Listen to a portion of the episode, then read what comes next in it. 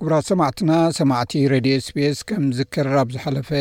መዓልትታት ምስ ኣቶ ዳንኤል ተስፋ ሚካኤል ጋርዛ ዝገበርናዮ ዕላል ነይሩ ኣቶ ዳንኤል ብወታደራዊ ሳይንስ ዝተመረቀ እዩ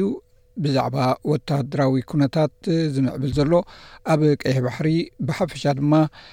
ስትራቴጂካዊ ረብሓታት ምዕራብን ኣብቲ ከባቢ ዘሎ ሃገራትን ብፍላይ ድማ እዚ ዝምዕብል ዘሎ ኩነታት ከመይ ይፀልዎ ከም ዘሎ ርኢና ነርና ካልኣይ ክፋሉን ናይ መወዳእታን ቀሪቡ ኣሎ ሰናይ ምክትታል እዚ እትሰምዕዎ ዘለኹም መደብ ብቋንቋ ትግርኛ ዝፍኖ ሬድዮ ስቤስ እዩ ርኣብታ ምድግጋፍ ክምለሳ እምበኣር ማለት ካብ ግዜ ቃልሲ ኣትሒዙስ መንግስቲ ኣሜሪካ ወይ ምዕራባውያን ወይ ሲኣይኤ ኣንጻር ቃልሲ ህዝቢ ኤርትራ ብድሕሪ ናፅነት እውን ኣንፃር ምዕባለ ናይ ኤርትራ ተገይሩ እዩ ኩሉ ግዜ ዝዝረብ ኦፊሻል ማለት እዩ ኣብ ኤርትራ ማለት እዩ ከም ዝበልካዮ ከም ጭቡጥ መርትዖ ረኪብና ኢልና እንድሕር ሓሲብና እቲ ናይ ሚኒት ወይ ከዓ እቲ ዝተፃሕፈ ብዛዕባ ርክብ ናይ በዓል ኢሳያስን ሲኣይኤን ክንሪኦ ከለና ኣብቲ ስምምዕ እንታይ ነይሩ ንሳቶም ኣንፃር እቲ ካልእ ኣንፃሮም ዝብልዎ ክቃለሱ ወይ ነቶም ናይ ፍልስጤን ምንቅስቃስ ይኹን ናይ ዕራብ ምንቅስቃስ ኣንፃሮም ከብሉ እሞ ደው ክብሉ መንግስቲ ኣሜሪካ ወይ ከዓ ሲኣይኤ ድማ ብረት ብፍላይ ድማ ኣብ ቪየትናም ዝተማረኹ ናይ ራሽያ መሳርሒ ክወሃቦም ከም ዝኾነ ድሓር እውን ክትነግረና ትኽእል ኢካ ንድሕር ዝወሃብ ነይሩ እንተኮይኑ ኣብቲ እዋን እቲ ብላዕሊ ላዕሎ ክትሪኦ ከለካ ግን ማሕበርነት ዝኽተል ዝነበረ ሰውራ እዩ እቲ ናይ ኤርትራ ግን ብውሽጢ ውሽጢ ሓገዝ ይግበር ነይሩ ድዩ ኣብቲ እዋን እቲ ኣብዚ እዋን እዚ እውን ብላዕሊ ክትሪኦ ከለካ ኣብዚ እዋን እዚ ማለት ምስ ከነነፃፅሮ ከለና ምስ መንግስቲ ምስ ራሻ ዝምድና ከም ዝተገብረ ብላዕሊ ላዕሊ ይዝረብ። ብውሽጢ ውሽጢ ግን ምስ ረብሓ ተኣሳሲሩ መንግስቲ ኣሜሪካ ናይ ምሕጋዝ ኣጋውላ ኣሎ ድዩ ንዓኣ ንምብራህ እየ ኣልዒለያ እሞ ንክልቲኤን ኣተኣሳሲርካ ብደገ ዝበሃልን ብውሽጢ ዝግበርን ከመይ ኢኻ ትሪኦ ንስኻ እውን ኣብ ውሽጢ ስለ ዝነበርካ ማለት እየ። ኣዝዩ ኣገዳሲ ሕቶ እዩ። ሓደ ካብቲ ዓንቃፊ ኮይኑ ዘሎ ኣብዚ ኩነታት ናይ ሃገርና እውን ናይ ሓበሬታ ንጹርነት ይኹን ናይ ትራንስፓረንት ጉዳይ እዩ። ብመዋእልና ብታሪኽና ክንሪኦ ከለና እቲ ብጽፍርና ደስነታዊ ዝኾነ ምንቅስቃስ ወይ ምስ እዚ ምዕራባዊ ሓይሊ ኣንጻሩ ዝኸይድ ገለ ተባሂሉ ዝፍለጥ ሰውራ ናይ ኤርትራ ክትሪኦ ከለኻ ብመሰረቱ ግን ናይ ብሓቂ ጽቡቕ ጌርካ እንድሕር ደኣ እቲ ዝበሃል ገዲፍካስ እቲ ዝግበር እንድሕር ክትንትን ኮንካ ከምዚ ዝበልካዮ ዘርኢ ብዙሕ ነገራት ኣሎ ንባዕሉ እታ ቀዳመይቲ ርክብ ባዕላቶም እውን ተኣሚኖምላ ዘለዉ ኣሜሪካ ናይ ሰዐ ትካላት ንኢሳያስ ክረኽብዎ ከለዉ ኣብ ቃኘውሲ ሕማቅ እዩ ጽቡቅ ኣይኮናን ዘለና እቲ ርክብ ግን እቲ ኔቸር ናይቲ ጉዳይ ግን ንመን የገልግል እውን ብዘየገድስ እሳቶም ረብሐኦም ክሕልዉ ንሱ ከዓ እንታይ ድሌት ከም ዘሎ ኣብዚ ከባቢ እንታይ እዩ እቲ መሰረታዊ ምንቅስቃስ ፖሊሲ ናይ ኣሜሪካ ንምፍላጥ ሓጊዝዎ እዩ ማለት እዩ ስለዚ ካብ መጀመርያ ትሒዙ ጌና ከይተበገሰ ከሎ ኣሜሪካ ኣብዚ ከባቢ ብጀካ ናይ ቀይሕ ባሕሪ ናይ ፀጥታ ጉዳይ ነቲ ናይ ምንቅስቃስ ኣብኡ ዘሎ ካልእ ዘስግኦም ወይ ዘድልዮም ነገራት ካልእ ኢንተረስት ከም ዘይብሎም ብመሰረቱ እቲ ንዕኦም ዘገድሶም ነገር ነዚ ክሳብ ዘውሓስካ ከኣ ኣብዚ ከባቢ ናቶም ኣሰት ኮይንካ ክትቅጽል ከም ትኽእል ስለ ዝፈለጠ ንብምሉኡ ዝገብሮ ዝነበረ ብድሕሪኡ ምንቅስቓሳት ኣብ ግምት ኣእቲና ክንሪኦ ንኽእል ኢና ስለዚ እንታይ ኢና ክንብል ንኽእል ኢትዮጵያ እንድሕር ደኣ ናይ ብሓቂ ኣላይ ናይ ኢትዮጵያ ናይ ኣሜሪካ ነይራ ኮይና ኣሜሪካ ከማን ዘድሊ ሓይሊ ንኢትዮጵያ እውን ኣይትህባን እያ ነይራ ስለዚ ሲ ኣብዚ ከባቢ ጥራይ ንዕኦም ዘገድሶም ሓይሊ ከይሓየለ ጸቢቑ መይሱ ከኣ ከዩተሓተ ደኣ ኢዮም ዝሰርሑ ኔሮም እምበር ንኢትዮጵያ ውን ኣይሓገዝዋን ንኤርትራ ውን ኣይደቖስዋን ደቒሶማ ኔሮም እንተዝኾኑ እቲ ብምሉኡ ንሕና ንጥቀመሉ ዝነበርና ካብ ምዕራብ ዝመጽእ ዝነበረ ብዝተፈላለየ ምክንያታት ማለት እዩ ሓደ ብናይ ረድኤት ትካላት ብናይ ኖርወይ ዝመጽእ ዝነበረ ብምሉኡ ኣሚኒሽን ናባና ዝመጽእ ዝነበረ ዋላ ደኣ ካብ ኢስት ይምጻእ እቲ ከም ዓይነት እምበር ወላ እንድሕር ደኣ ኣብቲ ትሕዝቶኦም ርኢኻዮም እንታይ ዝብል ንሕና ክንበኩም ኣይንኽእልን ኢና ክንበኩም እንተኾይንና መብዛሕትኡ እቲ ካብ ቬትናም ካብ ገለ ካብ ገለ ዝማረኽናዮ ምክንያቱ ኩሉ ግዜ ብረት ካበይ መፂኡ ትሬስ ክትገብሮ ከለኻ ወይ ከዓ ሰራዊት ክታሽሙ ትርኢ ከለኻ ኩሉ ግዜ ኣበይ ተሰሪሑ ኢኻ ትርኢ ስለዚ ናይ ምዕራብ ስራሓት ተደኣ ኮይኑ ኣሜሪካ ትሕግዞም ኣሎ ክበሃል እዩ ኣሜሪካ ምስ ዘለዋ ናይ ዲፕሎማስያዊ ርክባት ምስ ኣሜሪካ ምስ ኢትዮጵያ ይኹን ምስ ካልእ እውን ክትንክፎም ስለ ዝኽእል ነዚታት ብዘይትንክፍ መገዲ ይግበር ከም ዝነበረ ዘርእየካ ብዙሕ ነገራት ኣሎ ካልእ እውን ኣብ ሜዳ ዝነበረ ተተኳሲ ሓይሊ ካብ ፀላኢ ተመንዚዑ ጥራይ ብናይ ፀላኢ ሓይሊ ጥራይ ክንድዚ ናይ ሰላሳ ዓመት ክስታይ ንሓደ ኣፀቢቑ ዝትንትን ዝፈልጥ ሰብሲ ከምኡ እዩ ክትብል ኣይትኽእልን ኢኻ። ንኣብነት ናይ ኣፍዓበት ኩነታት ክንዛረብ እንተኾይንና፣ ንኣፍዓበት ንምምላስ ጸላኢ ዝገብሮ ዝነበረ ምንቅስቓሳት ንዕኡ ንምግታእ ዝድብድበ ዝነበረ ቦምባታት መጨረሻ ኣይነበሮን። ናይ ናይ ሞርታር ቦምባታት ኣብ ሓደ መዓልቲ ኣሽሓት ቦምባታት ዝተተኮሰሉ መዓልቲ ይዝከረኒ ማለት እዩ። ስለዚ ንኹሉ ብግምት ኣእቲኻ እቲ ምዕራብሲ ኮምፕሊትሊ ንግለት ከም ዘይገበሮ ነዚ ሓይሊ እዚ ዘርኢ ብዙሕ ዘመላኽት ነገራት ኣሎ። ስለዚ ንኹሉ ብ ግምት ኣእቲኻ ከምቲ ቦታትና ዝብልዎ ከልቢ ሲ እንድሕር ዋናኣ ኣሚናስ ስጋ እንዳተሓርደ ንሩባ ትወርድ እዩ ዝብሃል። ሕጂ እዚ ስርዓት እዚ ብፍላይ ብፍላይ ኢሰያስ እቲ ኩነታት ኩሉ ግዜ ናይ እዞም ምዕራባውያን ሓይልታት ኣብዚ ከባቢ ዘለዎም ተገዳስነት ይኹን ኣድላይነት ይኹን ምስ ኩሉ እዚ ንብሎ ዘለና ናይ ቁጠባ ይኹን ዋላ ናይ ካልእ ናይ ናይ ናሽናል ሰኩሪቲ ናቶም ብዓለም ደረጃ ይኹን ዋላ ብከባቢ ናይ እስራኤል በሎ ንገለ ነዚ ኩሉ ብግምት ኣእትዩ ፈሊጥዎ ስለ ዝነበረ፣ ንሳቶም እውን ነዚ ጉዳይ እዚ ክሳብ ዘይተጻብኦም እዚ ሓይሊ እዚ ከም ናይ ሓለዋ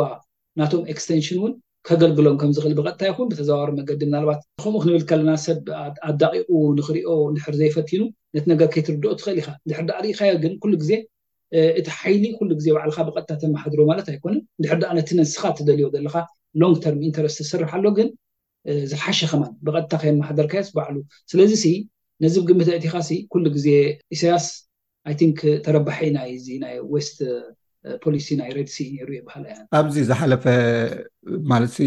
በዓል መለስ ዜናዊ ዝነበርሉ ናይ ኢህወደግ ምሕደራ ናይ ኢትዮጵያ ግን ኣዝዩ ጥቡቅ ዝምድና ዝነበሮም ብፍላይ ድማ ምስ ተባእሱ ምስ ኤርትራ ምስ ኢትዮጵያ ኣሜሪካ ናብ ኢትዮጵያ ዘበለት እዩ ትመስል ኤርትራ እውን ኣይ ምሻሎ ኣይ ምህላው ኣይ ምሟት ኮይና እያ ሓሊፋ እሞ እዚ ላዕሊ ላዕሊ ድዩ ወይስ ብውሽጢ ውሽጢ ስቲል ተሓገዝ እውን ቀፂሉ ነይሩ እዩ እዋኑ ትኢልካ ትግምት እሱ እቲ ምናልባት ዝፈልጦ ጭቡጥ ነገር የለን ግን ሓደ ነገር ክንሪኦ ንኽእል ተጀመረ ምንቅስቃሳት ነይሩ ንኣብነት ናይ ኣሜሪካ ሓይልታት እዞም ንብሎም ዘለና ናይ ሰንትራል ኮም ይኹን ወላ ናይ ኣፍሪኮም እቶም ጀነራላት ኣማሓደርቲ ከይተረፉ ንኤርትራ እንዳመጹ ገለ ፈተነታት ይገብሩ ነይሮም እዮም ሓገዛት ንክህቡ ጆይንት ሚሊተሪ ኤክሰርሳይስስ ክገብሩ ሓደ እዋን ኣብ ዓላ ዝተገብረ ነይሩ ብድሕሪኡ እውን ኣብ ክልተ ሽሕ ካብ ናይ ናይ ዋሽንግተን ናይ ምክልኻል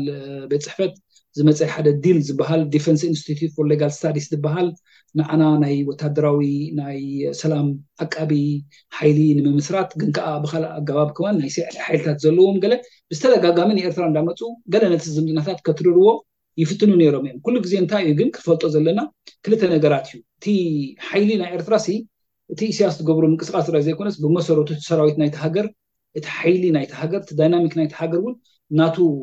ኤሌመንት ስለዝነበሮ ነዚ ሓይሊ እዚ እውን ኣብ መጨረሻ ክርእይዎ ፈቲኖም እዮም። ናይ ኢሰያስ እውን ሓቂ ዘረባ ሓይሽ ፈቲና ጸሊእና ንጽቡቅ ናይ ኤርትራ ዋላ ኣይተገልገለን ክኸውን ይኽእል እምበር ነዚ ከባቢታት ብግቡእ ኣጽኒዑ በብእዋኑ ዝገብሮ ዝነበረ ምትዕጻፋትን በብእዋኑ ዝገብሮ ዝነበረ ፖለቲካል ገይምስ ዝያዳ ዓብላሊ ኮይኑ ወጺኡስ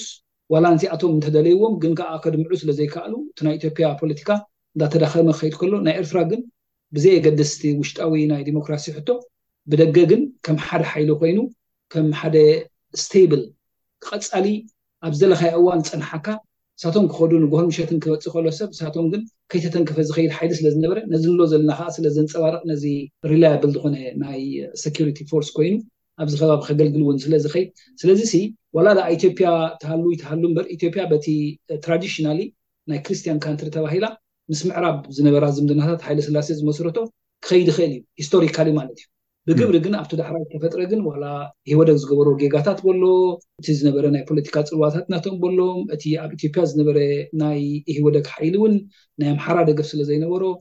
ከምቲ ዝለ ክቅፅል ኣይከኣለን ስለዚ ኢሳያስ ግን ኣይ ቲንክ ከም ሓደ ኮንስታንት ፎርስ ኮይኑ ኣብዚ ከባቢ ከይተተንከፈ ብዘየገድስቲ ውሽጢ ማለት እዩ ብደገ ሓይሊ ክትሪኦ ከለካ ኮንስታንትሊ ከኣ ነቲ ሳቶም ዝደልይዎ ነገራት እውን ኣብዚ ከባቢ ዝነበረ ንባዕሉ ኣብ ኤርትራ ዝወስዶ ዝነበረ ኣንጻር ናይ ጀሃድ ምንቅስቃሳት በሎ ናይ ገለ በሎ ሲ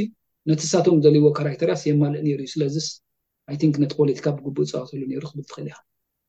ስለዚ ናብታ ናይ መጀመርያ ሕቶይ ክምለስ ምእንቲ ኣብዚ ጉዳይ እዚ ማለት ኣጠቓሊልና ክንሪኦ ከለና ቀይሕ ባሕሪ ምህላው ኤርትራ ድማ ኣብ ጎኒ ቀይሕ ባሕሪ ምድኳና ማለት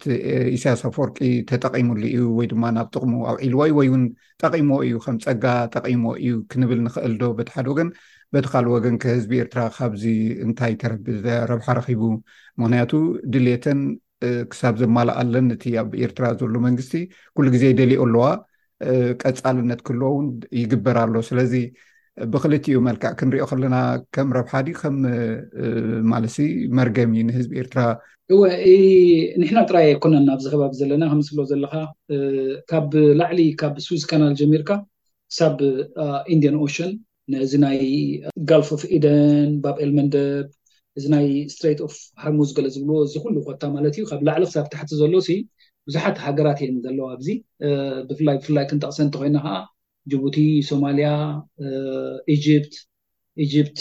በየት ሓደ ስግር ከዓኒ ሳውዲ ኣላ የመን ኣለዋ ክሳብ ኬንያ እውን ይኸይድ እቲ ጉዳይ ማለት እዩ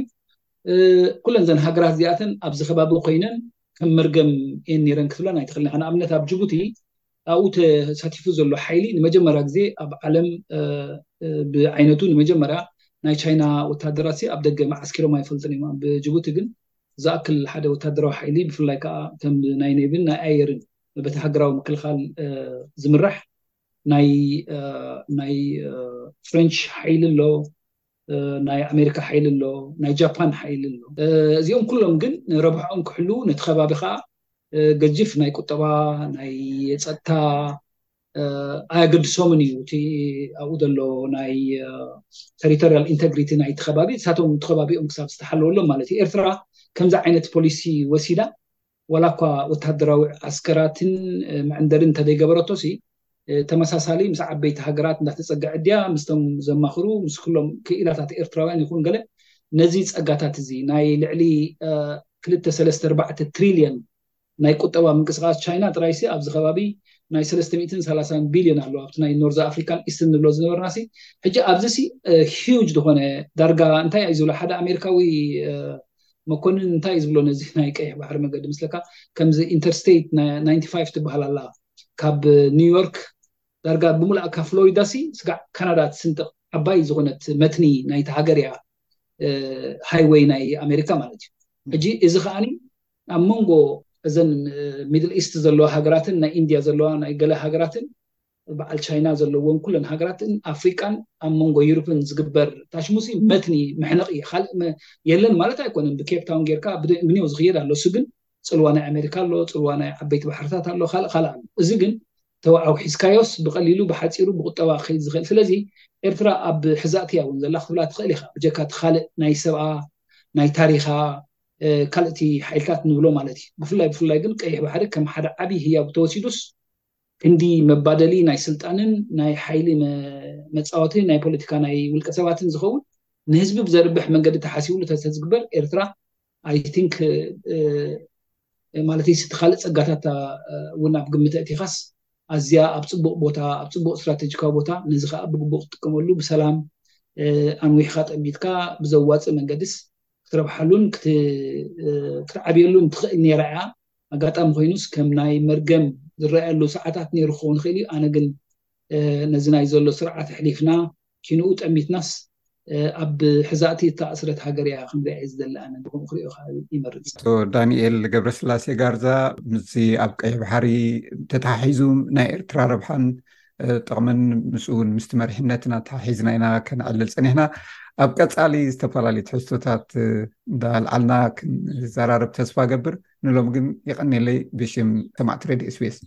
ኣንዋን የመስግን የቐኒለይ ቤስቤስስቤስስቤስ ሬድዮ